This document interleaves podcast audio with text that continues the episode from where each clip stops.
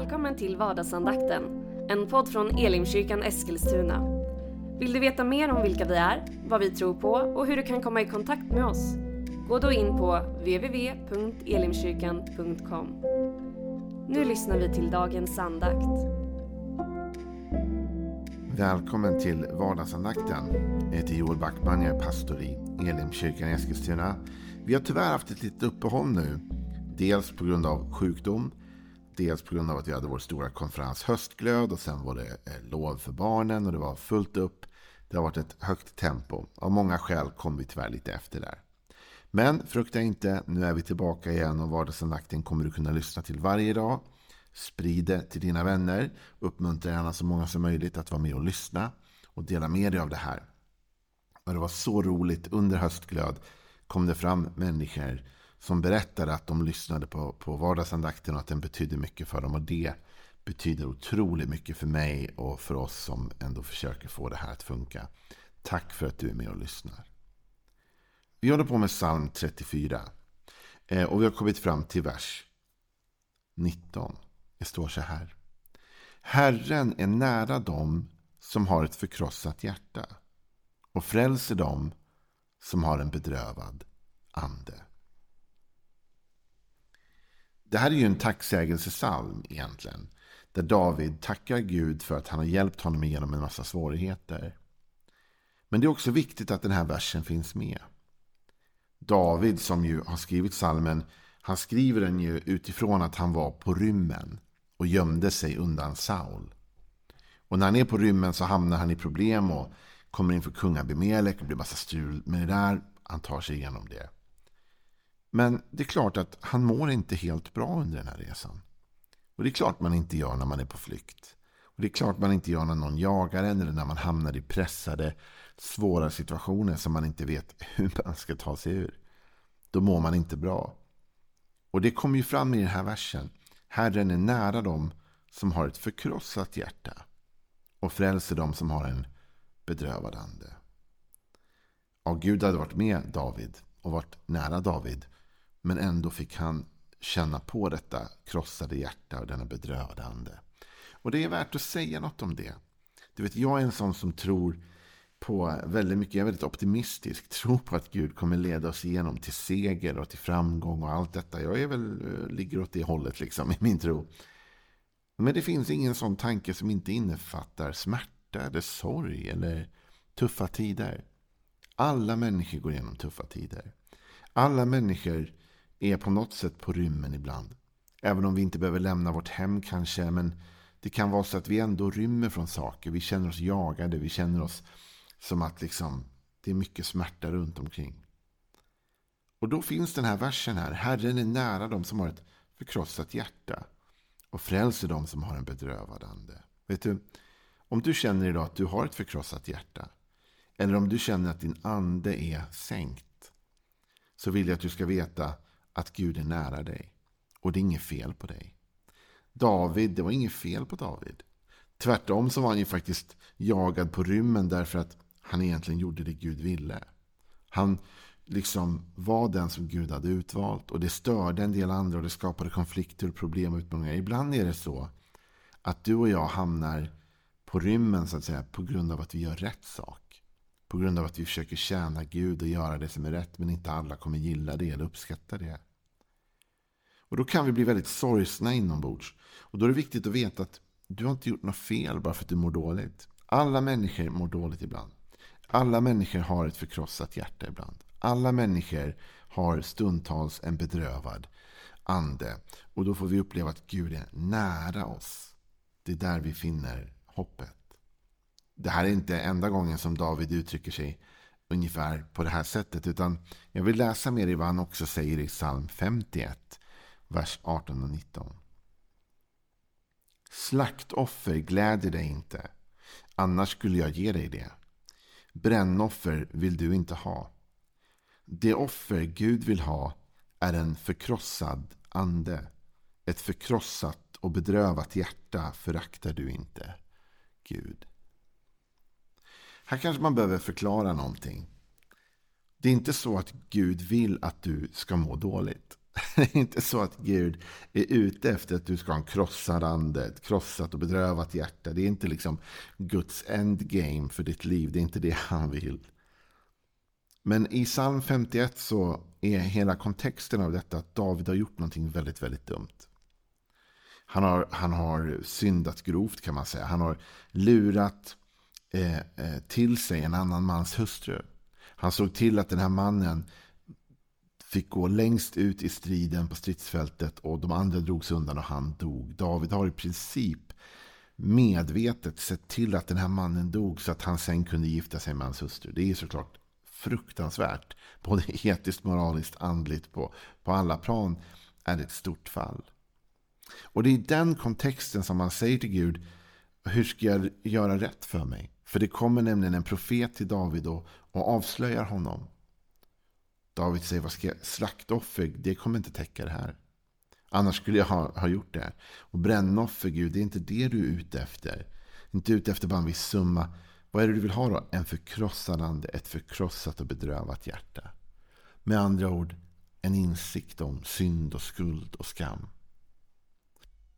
Jag sa ju nyss att du behöver inte ha gjort något fel för att du mår dåligt. Utan alla människor mår dåligt ibland. På grund av att livet är svårt och tufft och utmanande. Däremot så ibland mår vi dåligt därför att vi har gjort någonting dumt.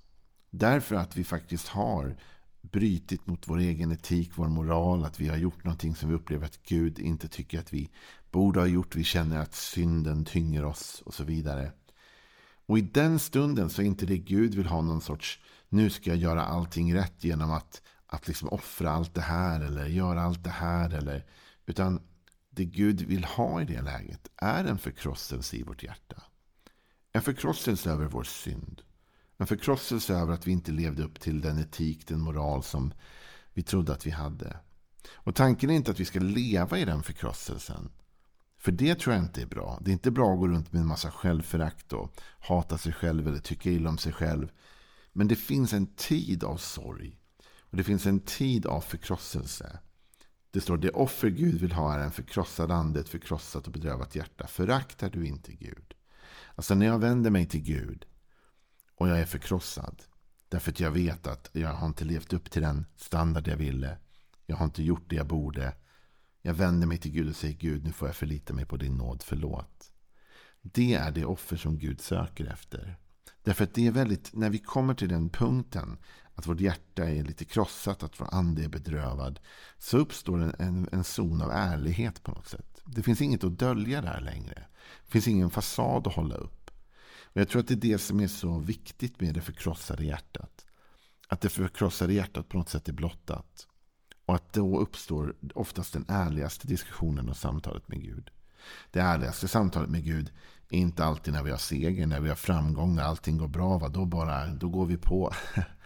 Utan de ärligaste samtalen med Gud är såklart när vi känner av brustenhet och sorg. Antingen på grund av att livet är tufft och svårt och vårt hjärta är krossat och vi utgjuter vårt krossade hjärta inför Gud.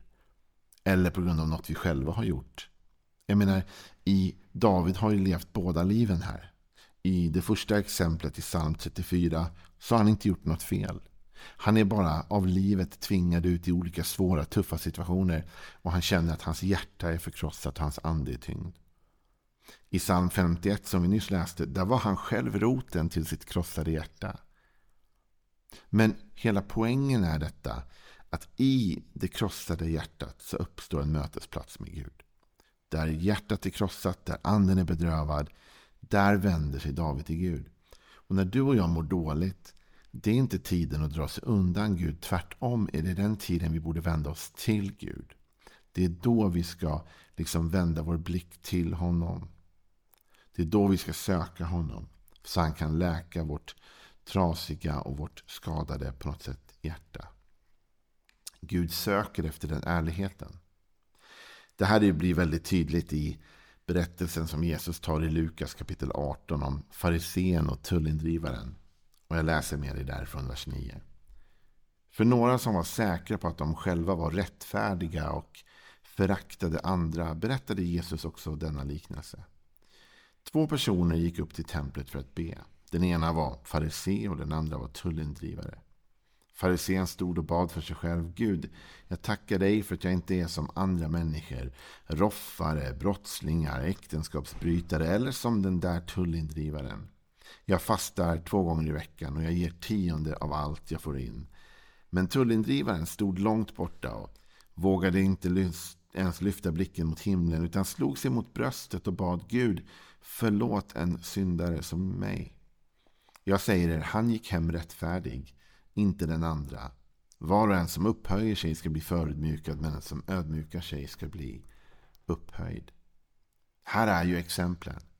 Du har den mannen som tycker att han själv är rättfärdig, som följer lagen, som gör rätt, som fastar, som ger tionde. Och vet du vad? Jag tror på fasta. Och jag tror på tiondegivaren.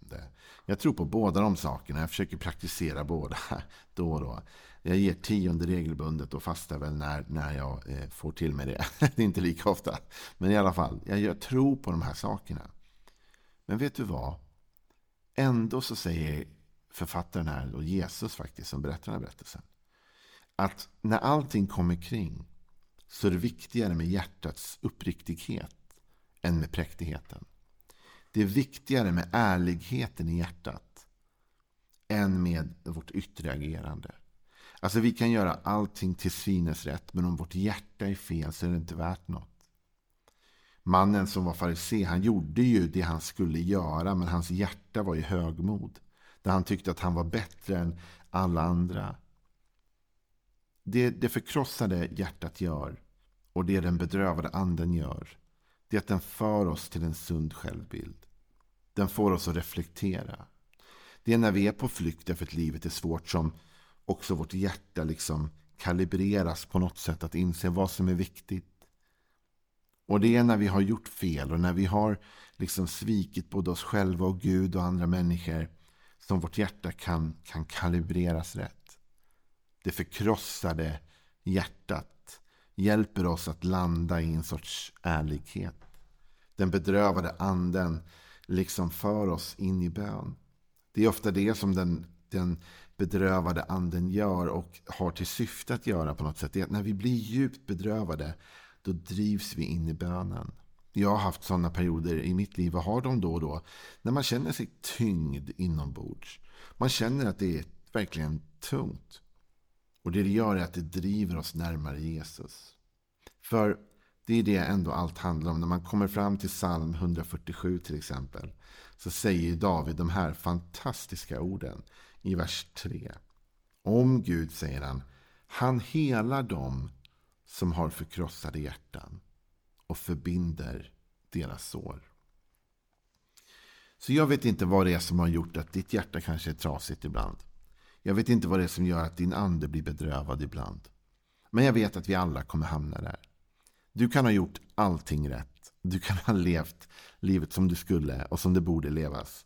Och ändå kan livet komma med sådana smällar och föra oss i sådana riktningar att vi känner att vårt hjärta krossas och vår ande blir tyngd. Eller så kanske du och jag är de själva som har satt oss i den här sitsen. Vi har gjort dumma grejer. Vi har gjort det vi inte borde. Vi har brustit i vår etik, vår moral, i vårt handlande gentemot människor och gentemot Gud. Och vi känner oss förkrossade över det. Oavsett på vilket sätt vårt hjärta har blivit krossad eller vårt ande har blivit tyngd så är det här en tid för ärlighet. Det här är en tid för ärliga samtal. Det är nu du ska gå till Gud, inte gömma dig för Gud, inte springa undan från Gud. Tvärtom ska du söka dig till Gud nu och säga Gud, så här känner jag. Mitt hjärta är förkrossat. Jag har varit med om det här och det här. Eller jag har gjort det här och det här. Och i det ärliga samtalet med Gud så kan helande börja växa fram. Därför Gud vill inte att du ska ha ett krossat hjärta. Och Gud vill inte att du ska ha en tyngdande. Men han kan använda ett förkrossat hjärta och en tyngdande. Han kan däremot inte använda ett högmodigt hjärta eller en högmodig ande. Det är väldigt svårt för Gud att göra någonting med. Men i förkrosselsen så får Gud en chans att bygga något nytt. Så jag vill uppmuntra dig idag, du som är tyngd. Det finns ett hopp. Det finns en ljus framtid. Jesus vill hela dig. Han vill läka dig. Han vill sätta ihop ditt hjärta igen. Och lyssna, det går. Han kan. Du kanske tror att ditt hjärta är så trasigt så ingen kan laga det. Jesus kan laga det. Och han vill göra det. Men det viktigaste är att du och jag i de här stunderna verkligen söker oss till honom. Inte drar oss undan, utan vandrar mot honom, till honom. Och tar emot helande och läkedom från honom i det ärliga och uppriktiga samtal som kan ske och som kanske bara kan ske ibland mellan Gud och den som har ett förkrossat hjärta och en bedrövad ande. Ha en välsignad dag. Hörrni, imorgon är vi tillbaka med vardagsandakten igen. Nu är vi på banan igen efter den här lilla sjukdomssessionen och höstklödsessionen och barnsessionen och allt vad det har varit. Så häng med imorgon igen. Hej då. Du har nu lyssnat till vardagsandakten från Elimkyrkan Eskilstuna. Du har väl inte missat att vi finns på sociala medier? Eller att vi varje söndag firar gudstjänst? Hoppas att vi ses där.